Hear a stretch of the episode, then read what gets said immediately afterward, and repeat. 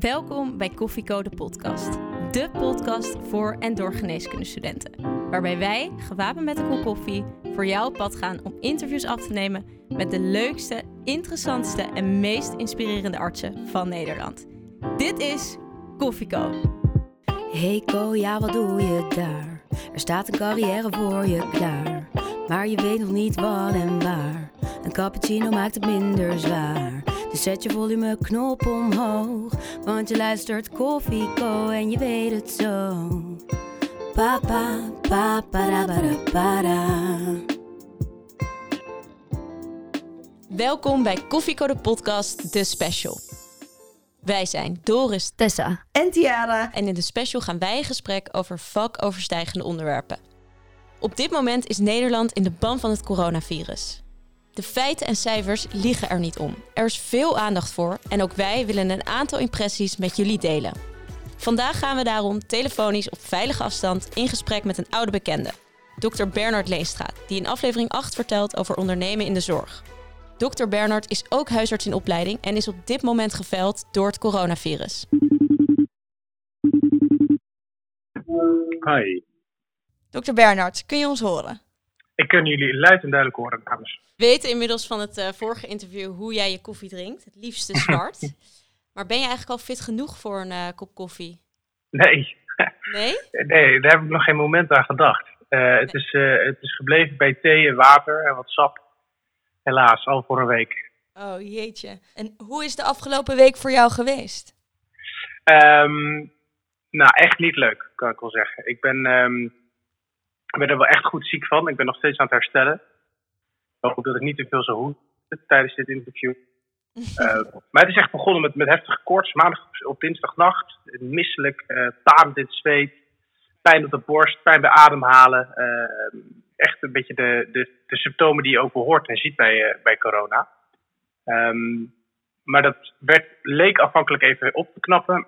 maar toen werd het weer heftiger. Toen bleek ik ook een longontsteking te hebben waar ik nu ook antibiotica krijg. En nu inmiddels, dag 7, 8, zoiets zijn we nu, eh, hoop ik de bocht gemaakt te hebben, om maar even medische termen te blijven spreken. Bernard, hoe oud ben jij nou? Ik ben 31. Het verloopt best wel. eh, het is geen verkoudheid voor jou. Nee, nee, dat meen ik. Het is, eh, hè, kijk, nou is het altijd zo dat mannen zich iets meer aanstellen dan, dan de dames. Ehm, maar, dat, maar dat meegerekend ben ik, kan ik me niet herinneren dat ik ooit zo ziek ben geweest. Eh, S'nachts tikte ik 40, ging ik zelfs over 40 graden eh, koorts heen. Ehm, ja, niet slapen, niet fit. Twee weken geleden liep ik nog de halve marathon van Den Haag. En als ik nu één trap oploop, ben ik gewoon buiten adem. Eh, veel hoesten, ja, het is echt eh, niet lekker.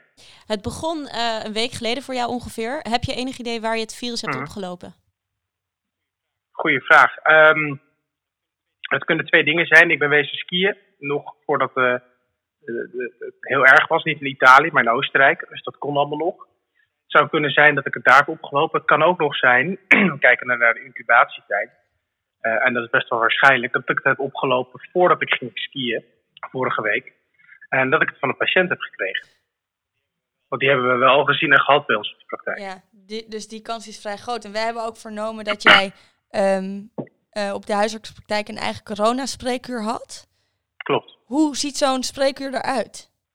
We hadden besloten met eh, alle huisartsen die bij ons in het gebouw zitten, of eigenlijk eh, in de praktijk, om alles, alle mensen met luchtwegklachten, of alleen nog verdenking milde luchtwegklachten, om die in één en dezelfde kamer te zien. En daar ook maar één en dezelfde dokter die helemaal ingepakt is in een jas en handschoenen en bril. Om die alle patiënten te laten zien, om zo te voorkomen dat we allemaal risico lopen. Ja, En ik was degene die daarmee is begonnen. oké. En hoe was dat? Indrukwekkend. Was je bang? Nee, ik was niet bang. Ehm, ik, ehm, nee, ik was zeker niet bang. Maar ik, ik vond het wel interessant om te zien. We kregen ook heel veel patiënten die eh, familielid waren van iemand die geïnfecteerd was met corona. Eh, en zelfs bijvoorbeeld heel slecht aan toe was. En eh, die, die familielid dan.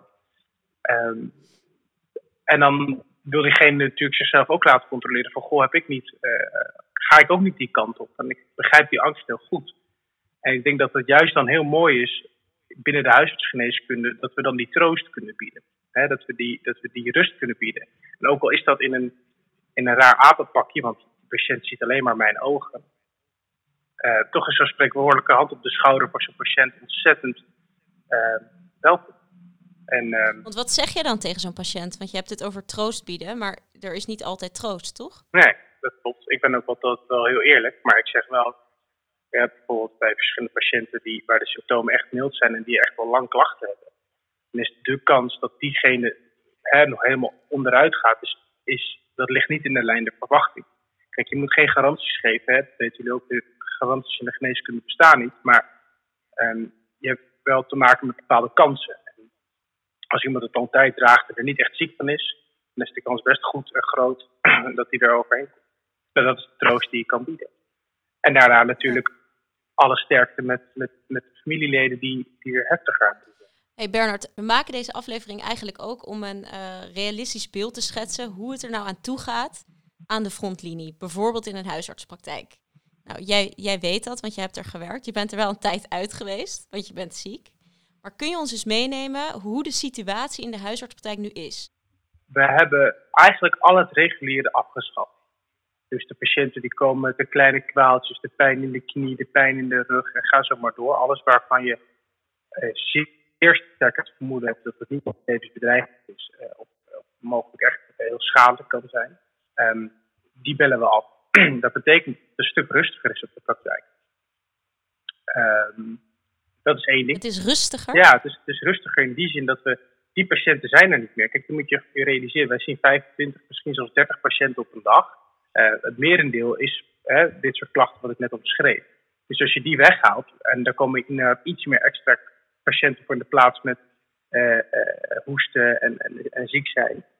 Um, maar alsnog is dat toch redelijk rustig. Alleen, je bent heel veel tijd kwijt met zo'n patiënt die, waar je hier denkt op corona. Want moet je helemaal inkleden, moet je helemaal uitkleden.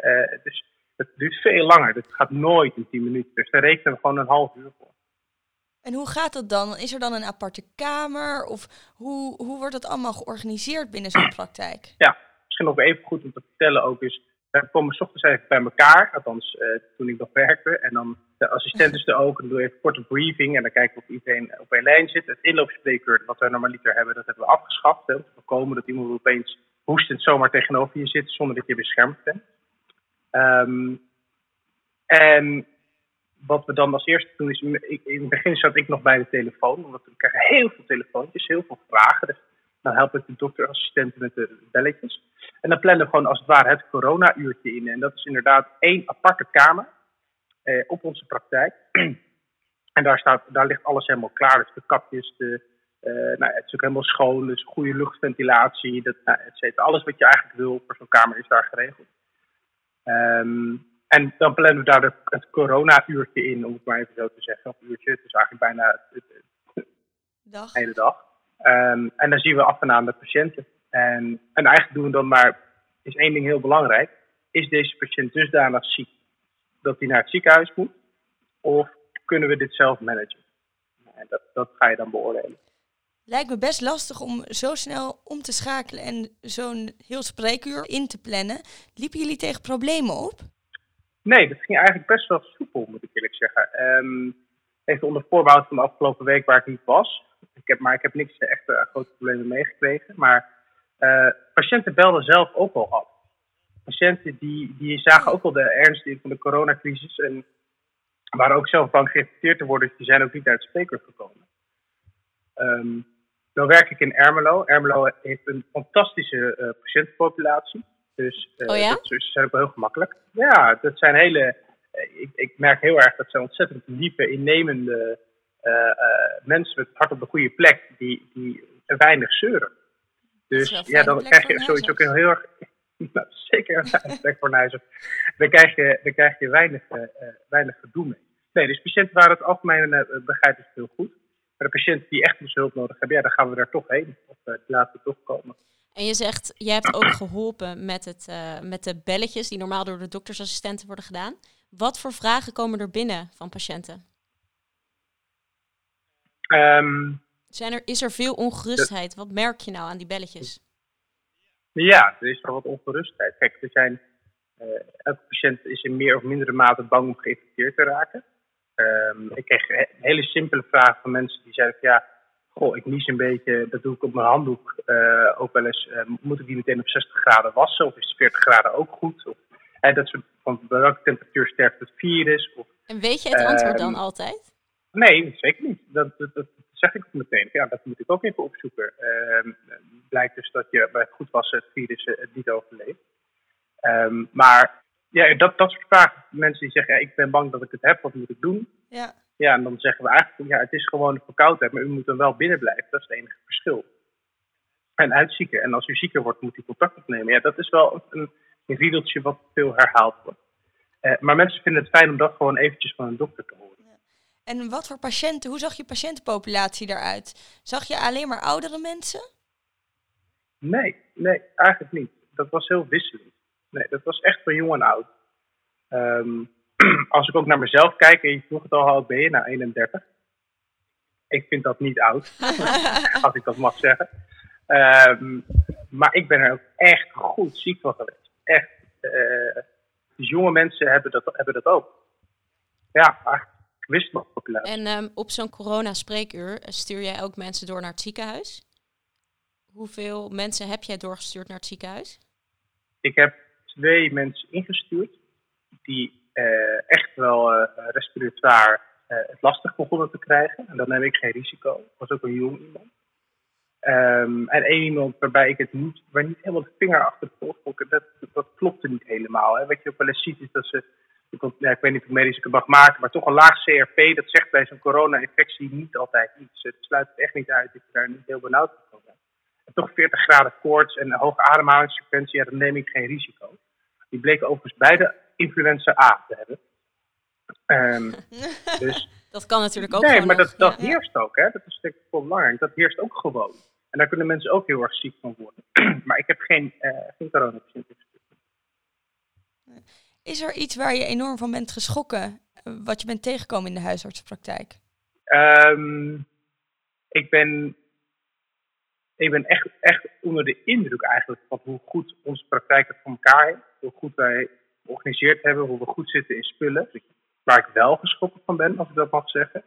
Uh, dat is toch wel de Nederlandse samenleving waar de ernst toch niet helemaal blijkt door te dringen. En dat mensen toch wel bij elkaar gaan zitten in het park of in het voetbalpark of op het strand. Of, nee, we kennen allemaal de beelden.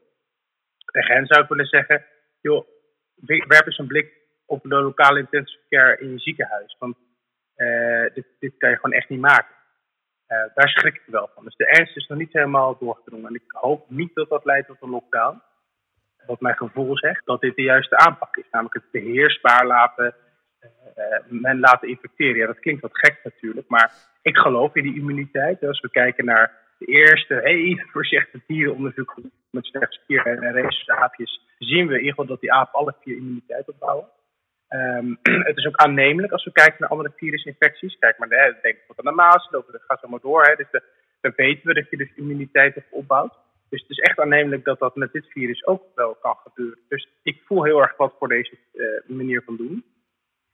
Um, een lockdown, ja, ik ben ook heel benieuwd hoe dat gaat. Kijk, als je, uh, ik ben het ook eens met de theorie, laat ik zo zeggen, als we dat nu allemaal doen en dat virus zwerft nog ergens en we komen uit de lockdown, wat er dan gebeurt.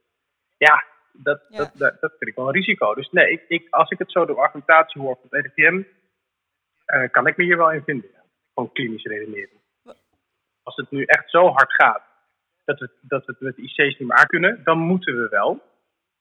En Ja. dan zullen we, dan is het meer een soort van hè, problems for later. Eh, hoe we het gaan oplossen als we de lockdown weer eh, voorzichtig afhalen.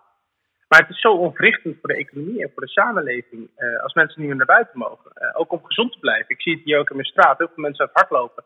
Ja, dat begrijp ik. Je moet fit blijven. En dat, dat voorkomt ook weer dat je zieker wordt.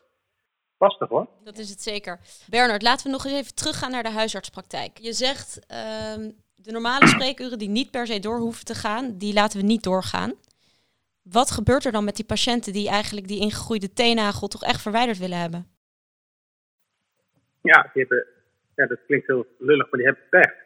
Wij geven ze zo goed mogelijk adviezen mee om het thuis te managen. Eh, pijnstilling. dus, maar meer dan dat kunnen we niet doen. Nou is het ook zo dat in sommige klachten is het gewoon de tijd. En moet iemand sowieso wachten, gaat het vaak vanzelf over. Nou ja, dus die herstellen wel. Die proberen we ook wat over de telefoontips te geven. ik sowieso begrijp je niet verkeerd. We laten iedereen niet vallen. We, we helpen zo goed als het kan over de telefoon. Maar jullie weten ook, je wil soms een patiënt echt even in de ogen kijken. En even zelf even voelen aan de knie. Of voelen aan de rug. Of et cetera. Um, maar dat gaat gewoon niet. Uh, en ja, iedereen heeft daar begrip voor en uh, moeten echt afwachten. En als ze echt zieker worden, ja, kijk, dan komen ze alsnog. En doen jullie nog huisbezoeken als huisarts? Wat normaal dagelijkse routine is? Nou, we hebben veel kwetsbare ouderen. Uh, we hebben een, een tekort aan thuiszorg.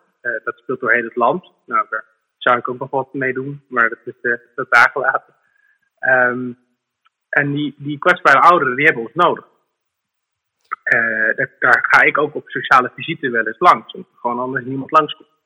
Heel weinig. Um, dat moeten we blijven doen. Want deze mensen die kunnen sterven aan eenzaamheid. Um, dus dat moeten we niet vergeten. Alleen zij zijn juist ontzettend kwetsbaar voor het coronavirus. Dus we, we, we, we, moeten echt onwijs zeker zijn dat we, dat we geen last hebben om daar langs te gaan. Dus het is best lastig, ja. Maar dat doen we wel. Mogen patiënten met hoesten en keelklachten überhaupt de praktijk eigenlijk wel betreden? Dat was eerst het, stop, nou, het bekende stopbord op de huisartspraktijk van kom niet binnen. Hoe zit dat nu? Dat wisselt enorm. Uh, um, eerst was het dus van niet, hè. Of eerst nog, in het begin was het nog oké. Okay. Toen werd afgesproken, nee, dat doen we niet meer. We laten niet meer de praktijk komen. Wij gaan naar u toe om u te beoordelen. Nou, toen mochten ze nu weer komen nu we de coronakamer uh, hadden. En nu gaan er eigenlijk weer stemmen op om dat eigenlijk weer niet te doen. Uh, maar alleen ernstig, ernstig zieke patiënten. Um, maar daar zouden wij er ook in naartoe gaan. Maar dat, nou, ik wil bijna zeggen, dat wisselt bijna dagelijks. Uh, dus dat houden we ook goed in de gaten. Eigenlijk, als ik het goed begrijp, maken jullie nu onderscheid tussen hoog en laag risico. En op basis daarvan kunnen jullie mensen zien in de huisartsenpraktijk. Maar mhm. wat zijn dat de gevolgen op de lange termijn? Want ja, op een gegeven moment worden mensen maar zieker en zieker die in eerste instantie misschien laag risico waren. Hoe zie jij dat voor je op lange termijn? Want dit kan nog even doorgaan. Ja, het is enorm goed de vinger aan de pols houden. Dat is eigenlijk het antwoord. je ziet dat, dat, dat ook ik ben verder gezond, uh, ik leef gezond, uh, ik sport, ik loop niet, et cetera. En ik, ik word ook nog nadat ik dacht beter te worden, uh, kreeg ook een longontsteking. Um, dus laagdrempelig uh, vinger aan de pols houden bij de patiënten die gesproken hebt. Ik, we, bellen ze sowieso in onze praktijk echt laagdrempelig even na om te kijken hoe het gaat. Dus zeker bij wat je net noemde, de kwetsbaren. De patiënten die gecomprimenteerd zijn, de oudere patiënten, de COPD-patiënten, dat soort zaken. Ja, daar zitten we gewoon bovenop. Duidelijk. Wat wij uh, op LinkedIn, social media, in de media ook lezen, is dat er uh, tekorten dreigen te, te komen, of al zijn, van maskers en beschermende kleding. Heb jij dat ook meegemaakt? Um, de tekorten heb ik ook meegemaakt. Je ziet ook aan uh, verhalen van collega's. Ik vind het meest schrijnende geval dat er in een collega gezondheidscentrum in het dorp onder Ermelo en Putten um, is ingebroken en mondkapjes en alcohol is gejat. Um, ik heb er echt over nagedacht. Ik heb er zo eventjes over wakker gelegen. Want ik dacht, wat, wat voor mens zeg maar, wat ben je dan hè, als, je, als je in staat bent om zoiets te doen? Um, ja, je merkt dat korter zijn. Je merkt ook wel dat er uh, leveranciers zijn die dat nu met China regelen. Ik geloof dat Huawei heeft bijna een miljoen mondkapjes geregeld. Daar hebben wij ook een deel van gekregen. Dus daar ben ik, ben ik enorm dankbaar. Dan kunnen wij weer even verder in de praktijk. Hey, en Bernard, hoe lang heb je nu in quarantaine gezeten? Dit is mijn achtste dag de achtste dag. En dan um, hopelijk kom je binnenkort dan terug in de praktijk. Wat verwacht je daar dan aan te treffen in vergelijking tot voordat je in quarantaine ging? Nou, weet je, nogmaals, uh, omdat onze praktijk zo goed geregeld is, denk ik echt serene rust. Ik verwacht dat als ik terugkom, okay. de situatie nog steeds zo is, eigenlijk zoals ik wegging. Zo'n coronaspreekuur hebben. Dat ons team nog steeds goed voorbereid is op nog meer patiënten als dat nodig is. Um, maar ik weet wel dat ze mij wel kunnen gebruiken. En ik maak me ook zorgen dat als straks een van mijn collega's ziek wordt, dat ik niet kan helpen op dit moment. Dus ik wil heel graag terug. Ik wil heel graag me niet meer nutteloos voelen hier thuis. Uh, ik heb alles, alle boeken bij wijze van spreken al gelezen, alle films en series al gezien. Ik sta echt te popelen om weer aan het werk te gaan. Um, maar het is even En eigenlijk weten we ook uit de vorige interviews dat jij uh, naast haaien ook ondernemer bent. Ik ben eigenlijk wel benieuwd, je hebt nu zo lang thuis gezeten. Heb jij je ondernemersbrein aan de gang gezet en in oplossingen gedacht voor nieuwe initiatieven voor deze crisissituatie? Oh, of ik even de crisis wil oplossen. Nee, het is uh, voor mij als ondernemer ook alle hands aan dek. Hè. Dus dat, dat, dat vraagt, vraagt mij aandacht. Maar het eerlijke verhaal is ook dat ik uh, overdag slaap ik ook nog vier tot vijf uur. Dus uh, ik functioneer ook maar van half brein. Ehm, dat helpt niet heel erg mee in het creatief en ondernemend zijn. Maar aan de andere kant natuurlijk, ik ben er altijd aan het denken. Goed om te horen. Ja. Hey Bernard, als ik het goed begrijp, ben je ook echt acht dagen je huis niet uit geweest? Klopt. Wat ga je als eerste doen als je straks uit quarantaine mag, los van weer aan het werk gaan? Oh, ik zou, oh nou ja, eigenlijk moet je zo min mogelijk naar buiten. Maar ik denk dat het heel gezond en goed is voor mij om heel even een stukje te lopen. Gewoon heel even een stukje om, om 500 meter of zo. Want ik, ja, acht dagen in, uh, op een appartementje van 60 vierkante meter, dat wordt heel erg klein. Dus voor mijn eigen mentale toestand zou dat goed zijn. Maar dan moet ik eerst echt helemaal beter zijn. En dan 24 uur klachtenvrij. 24 uur klachtenvrij. Want hoe zit het, dat kregen wij van luisteraars, kregen wij ook wel de vraag, hoe zit het nou met die incubatieperiode? Kan jij daar iets over vertellen? Want kun je als je klachtenvrij bent het ook nog doorgeven? Ja, dat is iets waar ik mezelf ook nog een klein beetje toch wel nou, nieuwsgierig naar ben. Uh, wat ik op de richtlijn zegt, als je echt klachtenvrij bent en dan ook echt 24 uur, dan moet je viral load, dus het virus wat je bijdraagt, zo laag zijn dat je in principe niet besmettelijk bent. Maar het woordje in principe, ja, dat vind ik moeilijk. Uh, ik wil gewoon niet besmettelijk zijn. Dus misschien dat ik er nog wel iets langer overheen laat gaan. Um, maar nee, ik heb, niet het, ik heb niet het precieze juiste antwoord. En je ziet ook heel erg dat de incubatietijd enorm verschilt tussen mensen. En, en, en de klachten en de symptomen en hoe lang het aanhoudt. Het is echt, um, het verschilt enorm. Dus ik kan er ook niet echt één gemiddeld antwoord op geven. Dat maakt de hele situatie, denk ik, voor iedereen lastig, is dat er zoveel onduidelijkheden zijn. Ja, richt je met name op de, op de websites uh, van de NRG en het RIVM. Dat is het meest, meest betrouwbaar. Um, er is een Facebookgroep COVID-19 voor artsen. Daar mogen echt alleen artsen op en dat zijn ze ook heel streng aan het controleren. Daar gaat heel veel informatie overheen, maar daar is wel een goede actieve wetenschappelijke discussie. En die volg ik zelf ook, dus dat vind ik heel uh, interessant. En wat betreft iedereen die niet dokter is, dus iedereen die luistert met, uh, en die, die tips wil geven aan vrienden en familie, zou ik toch echt verwijzen naar de thuisarts.nl website. Want die wordt wel ook geüpdate en uh, daar staat ook hele toegankelijke, goed wetenschappelijk onderbouwde informatie op, die wel begrijpelijk is. Hey, en Bernard, jij hebt nu corona gehad. Als het ja, goed is. ik heb het nog wel. Je hebt het nog? Ja. Je zit in de eindfase, hopen we. Ja. Um, wetenschappelijk vraagje. Kun je het dan ook nooit meer krijgen? dat is, dat is de, de one million dollar question, uh, Doris. Dat is, uh, uh, het antwoord is denk ik nee. Ik denk dat ik het wel nog kan krijgen. De vraag, ik denk wel dat ik immuun ben voor een x hoeveelheid tijd. Dat, dat is een aanname.